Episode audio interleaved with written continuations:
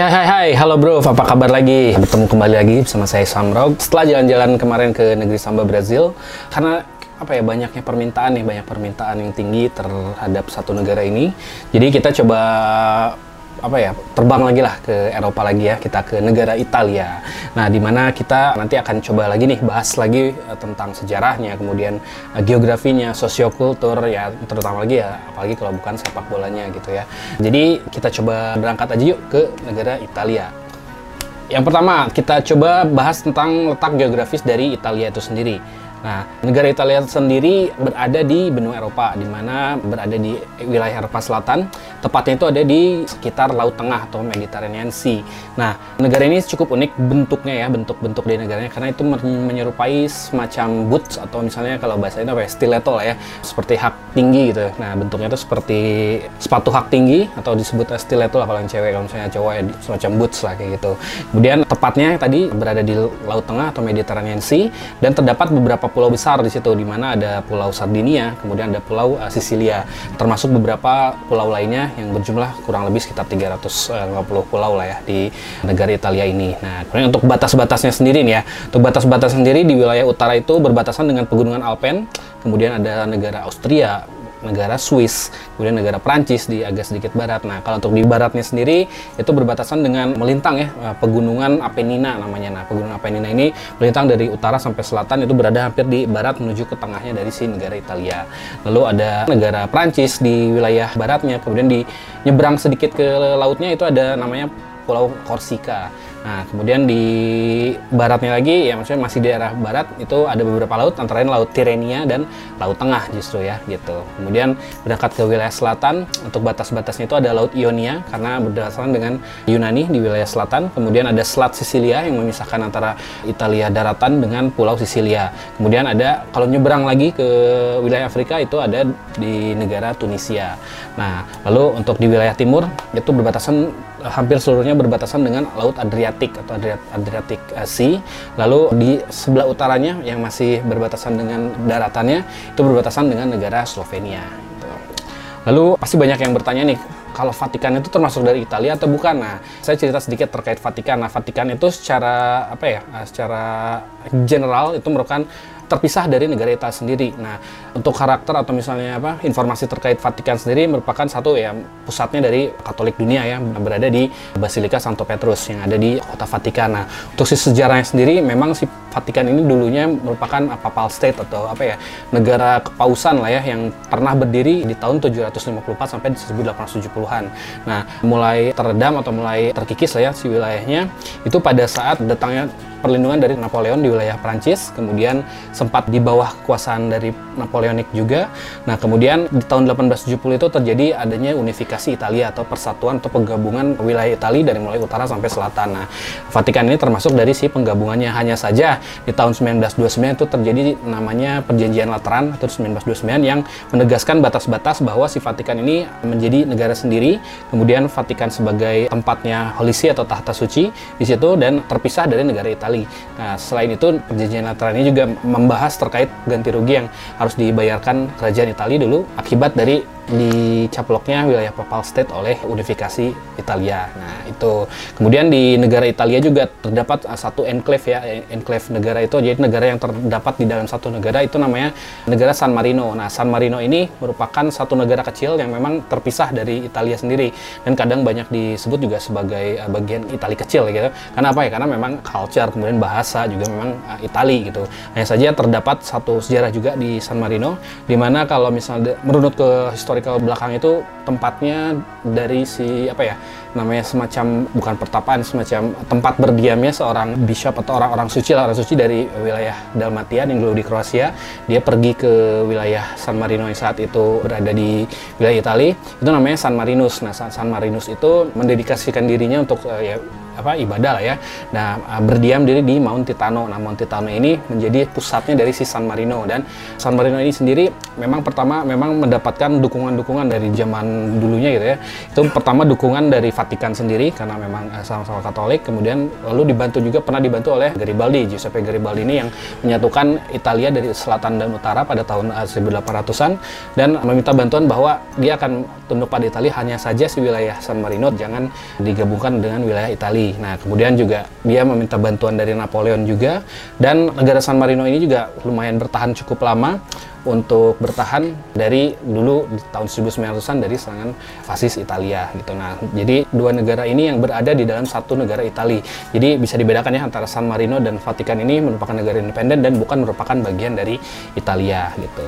Kemudian kalau misalnya ada lagi nih pulau yang di atasnya dari si pulau Sardinia Nah, itu namanya Pulau Korsika. Nah, Pulau Korsika ini secara teritori itu memang harusnya di, di bawah wilayah Italia. Hanya saja secara pemerintahan dia berada di bawah kekuasaan atau pemerintahan dari Prancis. Nah, historical dari si Pulau Korsika sendiri sih memang menjadi tempat lahirnya Napoleon. Napoleon itu lahir di kota Ajaccio, itu yang ada di wilayah Korsika. Kemudian kalau apa ya secara historical lainnya itu merupakan tempat transitnya orang-orang Mur dulu. Orang-orang Mur itu orang-orang Afrika Utara yang bertransit lah ya kalau mau ke Eropa itu berada di Pulau Korsika. Makanya itu terlambangkan dalam si benderanya sendiri, bendera Korsika itu di mana adanya beberapa Moor's head atau apa ya, kepala-kepala orang Mur, orang-orang Mur itu orang-orang Mur itu Maroko, Afrika Barat sampai Afrika Utara itu sebut orang-orang Mur. Itu dipakai di nanti ada di klub dari AC Ajaccio dan klub Cagliari. Nanti kita bahas di sepak bola ya. Nah, kemudian kita berangkat ke sejarah Italinya sendiri. Nah, sejarah Italinya ini kenapa sih bisa disebut Itali? Karena banyak nih eh, banyak teori yang menyebutkan bahwa si Itali ini berdasarkan atau disebut awalnya itu seperti apa sih? Nah, pertama banyak eh, teori yang pertama itu dari kata Vitelliu atau Vitelliu itu di bahasa Latin ya, eh, di artinya itu the land of calves atau pulaunya para sapi atau pulau karena dulu itu katanya di dari mulai dari si utara sampai sana itu memang tersebar banyak sapi-sapi. Nah, makanya orang-orang sana menyebut Land of Calves atau uh, Vitelliu. Lalu selain itu ada Walls of Italy. Walls of Italy ini penyebutan untuk si pegunungan Alpen. Pegunungan Alpen ini membentang dari mulai barat sampai timurnya itu menjadi semacam topi lah ya, topi dari si wilayah Italia itu sendiri. Lalu ada Italicus. Nah, Italicus ini merupakan sebutan orang-orang Itali dalam bahasa Latin. Nah, selain itu juga Italus juga merupakan seorang raja yang berada di wilayah uh, selatan Italia atau di, daerah Calabria. Dan terakhir ya penyebutan Italia ini menjadi general dan menjadi uh, umum bahwa di wilayah yang menempati wilayah yang sekarang disebut Italia itu yang jadi orang-orang Italia. Nah, sampai sekarang itu disebut dengan Italia.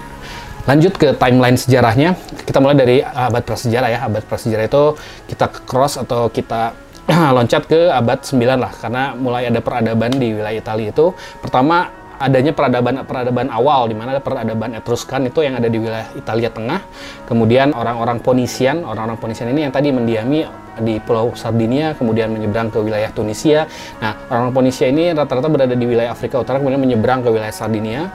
Kemudian ada yang disebut dengan Greeks Magna Graecia atau wilayah Italia Selatan yang dihuni oleh orang-orang Yunani. Karena kenapa dihuni orang Yunani? Karena wilayah selatan itu hampir berbatasan hanya menyeberang laut Ionia saja menuju ke negara Yunani. Nah, makanya disebut the Magna Graecia atau the Greater Greece atau Greater Greek gitu.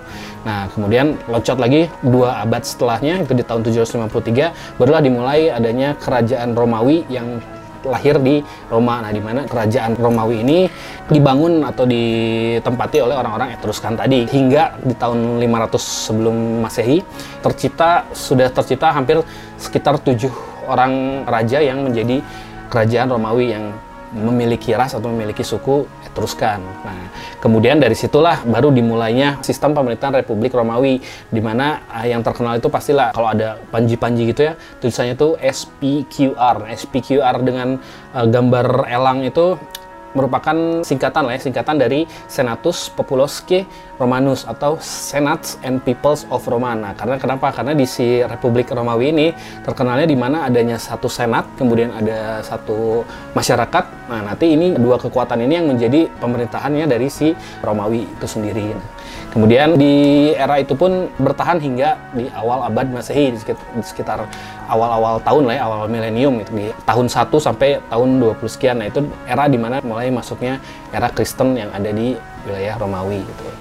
Kemudian loncat ke 27 sebelum Masehi itu kekuasaan dari Republik Romawi ini meluas hingga Eropa Barat itu sampai ke berarti sampai ke Iberia ya. Berarti Iberia itu antara Spanyol dan Portugal. Oke, si kekuasaan Republik Romawi tersebut di tahun 27 sebelum Masehi juga terjadinya pembunuhan Julius Caesar oleh si Brutus ya. Nah, di mana itulah menjadi penanda di Roman Republic atau Republik Romawi ini mulai runtuh dan menjadi kekaisaran kembali. Sebelumnya kerajaan menjadi republik kemudian sekarang menjadi kekaisaran Romawi. Nah, kemudian kaisar pertama Romawi tersebut adalah Augustus Caesar. Nah, loncat lagi ke 100 tahun setelahnya sekitar 117 Masehi itu King Trajan atau Raja Trajan ini memperluas lagi wilayahnya hingga ke Inggris. Nah, di mana wilayah Inggris ini yang menjadi apa ya? Provinsi Britania ya, Britania itu di wilayah barat dan wilayah timurnya itu hingga ke wilayah Persia atau sampai ke batas India gitu. Lalu tahun 395 ini mulai runtuhnya kekaisaran Romawi dan mulai terbagi menjadi dua di mana ada Romawi Barat yang beribu di Roma, kemudian Romawi Timur yang beribu kota di Konstantinopel atau menjadi Bizantium gitu.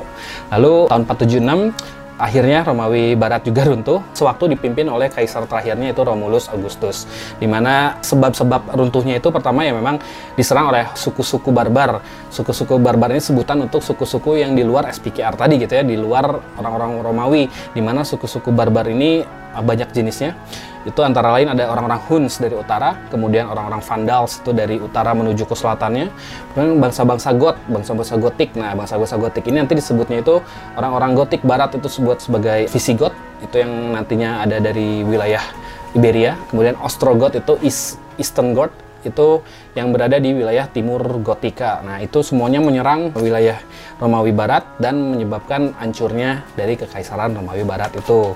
Nah, setelah hancur itu atau setelah bubarnya Romawi Barat kan hanya tersisa di Romawi Timur aja gitu ya. Romawi Timur itu yang nanti disebut sebagai Bizantium. Nah, tahun 478 ini kemudian lahirlah kerajaan Italia di mana kerajaan Italia ini mengadopsi sistem-sistem feodalisme ya jelas di mana ini bertahan hingga sampai 1300-an lah hingga menyebabkan adanya banyak-banyak kerajaan baru di mana ada kerajaan Savoy di utara, kemudian Milano di daerah utara juga, kemudian Florence di wilayah Tuscany, wilayah Genoa juga, lalu ada kerajaan Naples di selatan dan yang tadi adanya Papal State yang berada di wilayah tengah Italia gitu. Lanjut ke Middle Age atau di abad pertengahan. Abad pertengahan ini pada tahun 1420-an ini terjadi satu masa di mana namanya itu Renaissance atau pembangunan kembali gitu ya atau apa ya pengembalian kejayaan kembali masa-masa dulu di Greco-Roman waktu abad-abad pencerahan lah ya disebutnya di 14 sekian lah ya. Nah, di mana Renaissance ini dimulai di wilayah Firenze atau di wilayah Florence lah ya atau wilayah Tuscany dulunya. Nah, di mana arti dari si Renaissance sendiri kan berarti membangun kembali peradaban dari mulai seni lukis, seni patung, seni bangunan, musik, ilmu pengetahuan, kemudian penjelajahan dan penemuan-penemuan lainnya. Nah, era Renaissance ini juga menjadi apa ya sejarah lah dalam dalam dunia. Karena adanya juga penemuan penemuan apa ya, penemuan wilayah-wilayah baru dari dunia ya di mana di si Italia sendiri menyumbang beberapa penemu benua tersebut atau penemu pulau yang baru lah ya. Sebut saja pertama Marco Polo yang berhasil melakukan keliling dunia hingga sampai ke Asia bahkan sempat disebut juga pernah ke Indonesia. Lalu ada Cristoforo Colombo atau yang disebut uh, Christopher Columbus. Nah ini merupakan orang Italia yang bekerja sama dengan kerajaan Spanyol untuk menemukan dunia baru. Nah dunia baru itu disebut Amerika. Nah itu Cristoforo Colombo atau Christopher Columbus. Nah selain itu ada juga Amerigo Vespucci. Amerigo Vespucci ini juga merupakan seorang petualang atau misalnya apa sebagai penemu juga. Ini dia berhasil ke wilayah Amerika dan namanya sendiri diabadikan menjadi nama benua tersebut menjadi benua Amerika dari namanya Amerigo Vespucci ini. Nah kemudian ada Giovanni Caboto atau yang disebut John Cabot. John Cabot ini menemukan apa ya? Menemukan daerah wilayah Kanada gitu maksudnya. Kemudian ada Giovanni de Verrazzano. Nah ini penemu-penemu ini merupakan hasil dari Renaissance tadi yang berkeinginan untuk membangkitkan kembali kebudayaan-kebudayaan dan menemukan ilmu-ilmu baru karena Eropa pernah menjadi Dark Ages di masa sewaktu Eropa mengalami Dark Ages pengetahuan. Nah, makanya Renaissance ini sebagai tonggak awal menjadi era baru lah ya dalam penemuan ilmu pengetahuan pada zaman Renaissance tersebut. Nah, lanjut ke era Habsburg. Era Habsburg ini sempat terjadi ya perang sipil di Italia di mana nanti dikuasai di utara dikuasai oleh Napoleon dan wilayah selatan ini dikuasai oleh Wangsa Habsburg. Wangsa Habsburg ini menguasai hampir sebagian besar wilayah di selatan dan memiliki apa ya ya lumayan masa kuasa yang agak sedikit lama ya di Italia. Hanya saja nanti mulai runtuh setelah adanya unifikasi Italia di tahun 1870 gitu. Lalu di masa Napoleonik atau masa pemerintahan dari Napoleon Bonaparte yang, yang berasal dari Prancis itu hadirnya atau menjadi lebih kuat lah ya House of Savoy di sini. House of Savoy ini suatu keluarga atau dinasti lah ya, di wilayah utara yang nanti ke depannya nanti akan menguasai hampir seluruh wilayah Italia. Kemudian lahir juga Cispadane Republik atau Republik Cispadane ini merupakan satu negara boneka buatan Napoleon yang menjadi apa ya semacam satelit lah ya, satelit untuk mengawasi kekuasaan Napoleon yang ada di wilayah Italia. Lalu dari si negara Cispadane ini atau Republik Cispadane ini simbol atau bendera negara Italia yang itu warna-warna hijau putih merah ini berhasil diadopsi dan menjadi uh, simbol negara Italia sampai saat ini gitu. Lalu tahun 1860-an itu terjadi unifikasi Italia atau penyatuan seluruh Italia. Ini dimulai dari kerajaan Sardinia dan kerajaan Piemonte yang di utara untuk menyatukan Italia dari mulai utara sampai selatan. Nah, ini di pelopori atau diinisiasi oleh Raja Victor Emmanuel II dengan bantuan ya tadi bantuan dari Giuseppe Garibaldi yang merupakan salah satu apa ya pemimpin atau jenderal yang terkenal memiliki tentara sukarelawan yang disebut the Red Shirt atau di kemeja merah gitu ya. Nah, ini ber berhasil menguasai Italia dari mulai utara sampai selatan di tahun 1860-an gitu. Lalu lanjut ke periode setelah unifikasi ini ada lanjut ke periode liberal. Periode liberal ini di tahun 1866 di mana Italia dan Austria berhasil menguasai Veneto. Nah, Veneto ini yang sekarang terkenal dengan sebagai Venezia. Nah, Venezia mulai masuk di tahun 1866 hasil karya atau hasil dari kerjasama antara Italia dan Austria untuk menyerang Veneto dan menjadikan Veneto ini menjadi wilayah dari si Italia tahun 1870 juga tentara Italia berhasil menguasai Papal State yang tadi Papal State dan mengakhiri Papal States ini di tahun 1870 dan menjadi bagian dari si kerajaan Italia.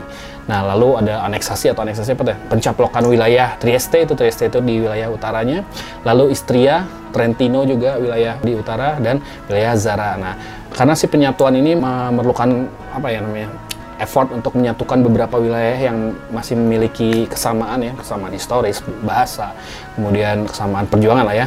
Lalu uh, melakukan aneksasi atau pengambilan pencaplokan wilayah-wilayah agar menjadi satu Italia yang lebih kuat lagi di tahun 18 sekian. Lalu terjadi emigrasi besar-besaran juga uh, keluar Italia. Ini akibat dari mungkin tidak tidak apa ya tidak tidak cocok ya dengan si kerajaan Italia di tahun sekian. Jadi menyebabkan emigrasi itu keluar itu bisa mereka itu berangkat antara lain ke Argentina lalu ke Brazil juga ke Amerika juga lalu ke beberapa tempat yang sekarang memiliki namanya Little Italy lah. Ya. Nah, si emigrasi-emigrasi ini akibat dari ketidaksukaan atau ketidaksukaan atau mungkin juga karena terpaksa harus pindah dari Italia dan membentuk koloni-koloni baru atau tempat-tempat baru di wilayah seberang yaitu yang tadi saya sebutkan antara lain Argentina, kemudian Amerika, Brazil, dan beberapa tempat lainnya gitu. Makanya kenapa nanti di si wilayah Argentina pasti banyak sekali orang Italia, di wilayah Amerika juga banyak orang-orang Italia.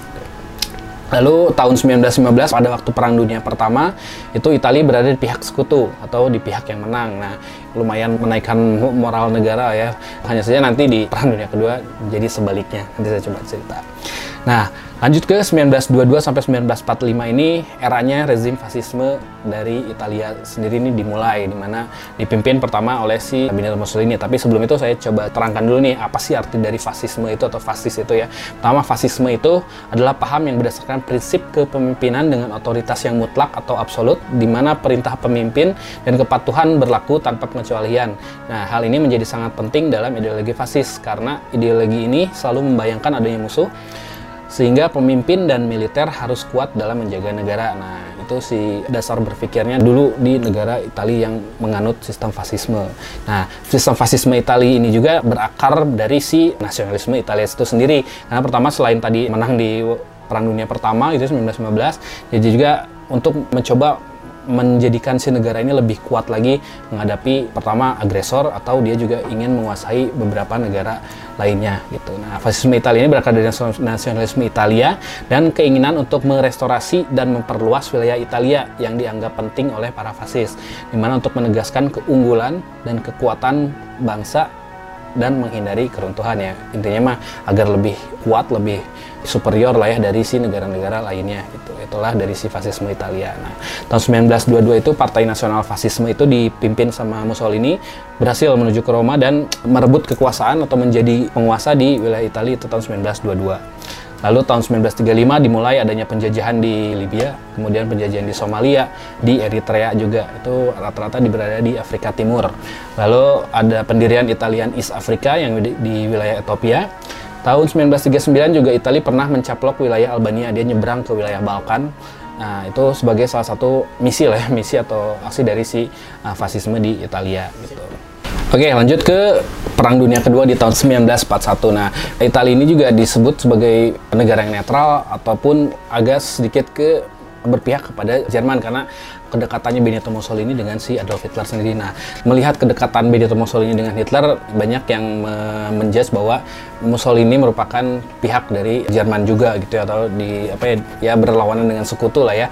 Nah, di mana di tahun 41 sampai 45 juga merupakan salah satu battlefieldnya dari apa ya, pertempurannya antara fasis Italia dengan antifasistanya Italia. Nah, di mana terjadinya semacam perang saudara lah ya, perang saudara yang terjadi di Italia, di mana banyaknya korban itu ya selain di fasisme Italia juga di antifanya juga. Nah, ini juga berhasil tercipta lah bahkan dua lagu yang terkenal gitu.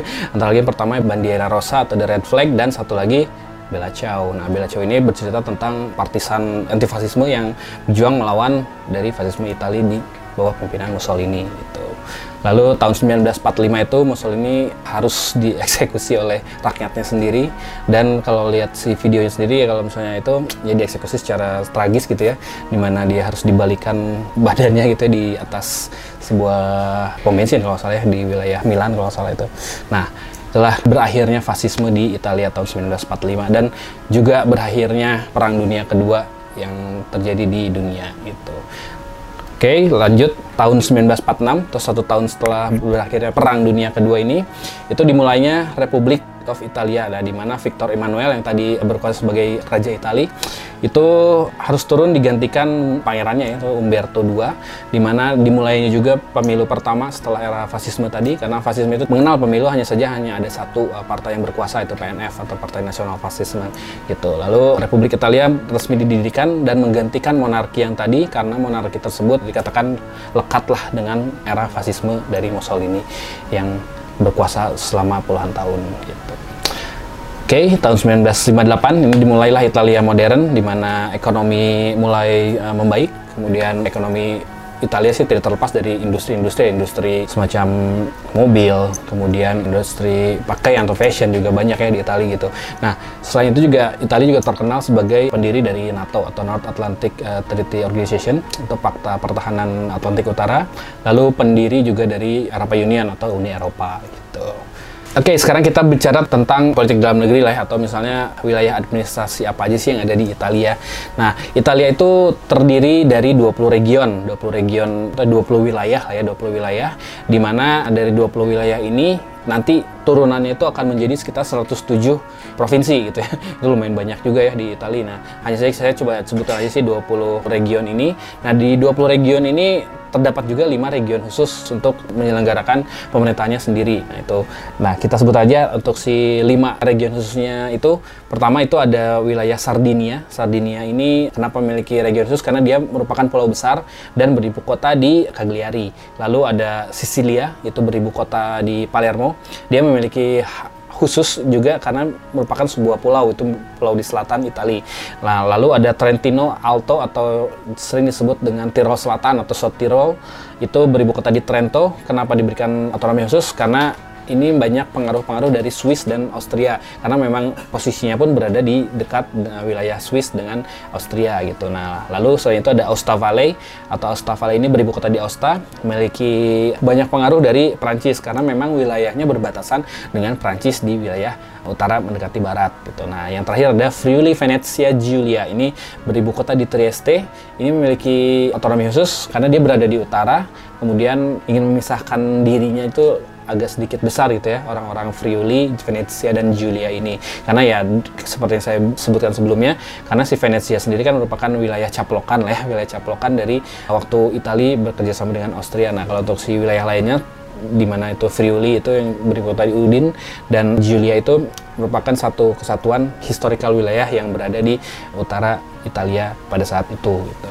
Oke, untuk si 15 region lainnya pertama ada Abruzzo itu beribu kota di L'Aquila, lalu ada Apulia atau Puglia, ibu kota di Bari, lalu ada Basilicata, itu beribu kota di Potenza, ada Calabria, ibu kota Catanzaro, ada Campania, ibu kota di Napoli itu selatan, ada Emilia Romanya, itu ibu kotanya Bologna, ada Lazio, ibu kotanya Roma, ada Liguria, ibu kota Genoa, Lombardia, ibu kota Milan, ada Marche, ibu kota Ancona, ada Molise, ibu kota Campobasso, Piemonte, ibu kotanya Turin, Tuscany, ibu kota di Firenze atau Florence, ada Umbria, itu ibu kota di Perugia, ada Veneto, ibu kotanya di Venezia. Nah, itulah yang membentuk wilayah-wilayah administrasi yang ada di Italia. Karena untuk si wilayah Italia juga sih lumayan luas ya. Untuk si luas wilayah Italia sendiri ada di 301.230 km persegi, di mana yang tadi sih bentuk pemerintahnya itu Republik Persatuan Parlementer Lalu presiden yang sekarang yang berkuasa adalah Sergio Mattarella dan perdana menterinya itu ada Giorgia Meloni. Nah, kalau Italia sih pas juga terkenal ya, terkenalnya sama mafianya gitu jelas ya. Mafia Italia ini rata-rata berada di wilayah selatan wilayah Italia. Penguasa-penguasanya ini ada di beberapa region, ada catatan ada sekitar empat lah yang besar gitu ya. Di mana di wilayah Sisilia ini dikuasai oleh mafia dari Cosa Nostra. Lalu untuk mafia dari wilayah Calabria itu dikuasai oleh Ndrangheta. Lalu di wilayah Campania itu ada mafia Camorra. Di wilayah Puglia ada Sacra Corona Unita. Nah itulah uh, beberapa mafia besar yang ada di wilayah Italia yang nanti memberikan efek juga atau pengaruh juga untuk beberapa mafia yang ada di wilayah lainnya yang tadi termasuk imigrasi yang berada di wilayah Amerika. Nah, Amerika pun banyak mafia, nah tetap berinduknya itu ada di wilayah Italia yang tadi saya sebutkan tadi. Gitu. Ke jumlah penduduk yang ada di Italia. Nah, jumlah penduduk Italia ini yang tercatat berdasarkan data itu sekitar 58 juta 853 482 juta penduduk. Nah, di mana untuk si diversifikasinya sendiri berdasarkan etnis itu sekitar 92 persen atau sekitar 54 juta orang Italia asli, orang Italian lah ya, itu sekitar 54 juta atau 92-nya. Kemudian untuk ke bawahnya lain itu ada orang-orang Romania. Kenapa ya orang Romania? Karena mungkin kesamaan bahasa mungkin atau mungkin apa ya disebutnya? Sama-sama orang Romawi gitu ya, karena kan orang sebenarnya orang-orang Romania juga bukan orang Romawi hanya saja kesamaan bahasa sama-sama bahasa Roma, bahasa Latin gitu ya. Itu menempati 1,2 juta atau 2 persen dari si penduduk Italia. Lalu orang-orang Afrika Utara, ini kenapa orang Afrika Utara? Karena banyak melakukan imigrasi dari orang Afrika Utara ini rata-rata sih orang-orang Tunisia, kemudian orang-orang Maroko, lalu yang tadi yang melakukan invasi lah ya, invasi di zaman Mussolini dulu, orang-orang Libya, orang-orang Ethiopia, orang-orang Libya, Somalia juga mungkin banyak ikut ke Italia pada zaman invasi dulu gitu ya. Itu menempati satu persen atau 580 ribu orang lah ya yang ada di wilayah Italia. Nah, untuk si entitas lainnya itu sekitar 2,9 juta atau menempati 5 persen dari seluruh penduduk Italia. Lalu yang tadi saya sebutkan imigran tahun 1800 sampai 1900 itu terjadi imigrasi besar-besaran itu tercatat sekitar 25 juta akibat ya resesi ekonomi itu menempati imigrasi ke Brazil, Argentina, Amerika, Prancis dan Inggris gitu. Oke, lanjut ke agama apa aja sih yang ada di Italia. Jelas kalau misalnya agama mayoritasnya itu berada di agama Kristen Katolik atau Kristen ya Christianity itu ya. Nah, di mana Katolik itu memiliki sekitar 80%, lainnya itu Ortodoks, Protestan itu ada di bawah 5% ya. Lalu agnostiknya juga lumayan besar itu sekitar 7%, ateisnya juga sekitar 4%, Islam 1%. Nah, Buddha, Hindu, Yahudi dan agama lainnya itu ada sekitar 2 sampai 3% lah dari jumlah penduduk dari Italia sendiri. Oke. Okay. Lanjut ke bendera Italia. Nah, bendera Italia tadi yang saya sempat sebutkan tadi berasal dari Republik Cispadane itu. Nah, ini sering disebut sebagai the tricolore atau the three colors. The three colors ini memang terinspirasi tadi dari Republik Cispadane di era Napoleonik, kemudian terinspirasi juga dari si Revolusi Prancis. Kenapa Revolusi Prancis? Karena Revolusi Prancis itu kan sering menggemburkan dari biru, putih, merah gitu ya, sama gitu ya. Di mana penyajian atau penyebutannya sendiri sebagai liberté, égalité, dan fraternité gitu ya. Liberté itu sebagai uh, kemerdekaan, terus égalité itu sebagai equality atau persamaan, dan fraternité itu sebagai persaudaraan gitu. Nah itu diadopsi lagi menjadi hijau, putih, merah menjadi warna kebanggaan dari si Itali. Nah, ini juga inspirasi juga dari si benderanya dari bendera Lombardia atau Kingdom of Lombardia gitu. Selain itu juga hijau itu melambangkan sebagai hope, kemudian putih sebagai faith dan merah sebagai love. Nah, tapi kenapa Itali lebih terkenalnya pakai baju biru gitu ya? Nggak ada hijau, putih, merah gitu ya. Nah, karena biru itu ternyata diambil dari House of Savoy atau dinasti yang memerintah kerajaan Italia zaman dulu itu sampai nanti bubarnya itu. Nah, benderanya atau misalnya warna kebesaran dari House of Savoy itu berwarna biru. Nah, makanya diadopsi sampai sekarang itu termasuk dari nanti ke jersey pemain sepak bola, jersey poli, jersey seluruh olahraga itu rata-rata pakai berwarna biru itu. Oke, okay, untuk si quiz di episode kali ini, silahkan nanti jawab ya untuk yang menyaksikan tadi dari awal sampai mungkin setengah ya. Nah, untuk pertanyaannya adalah Italia kan memiliki 20 region. Nah, Sebutkan lima region khusus yang mendapatkan otonomi khusus yang ada di wilayah Italia beserta ibu kotanya. Nah, silakan jawab selengkap mungkin. Nanti jawaban yang paling benar akan mendapatkan merchandise dari Prung. Silakan menjawab.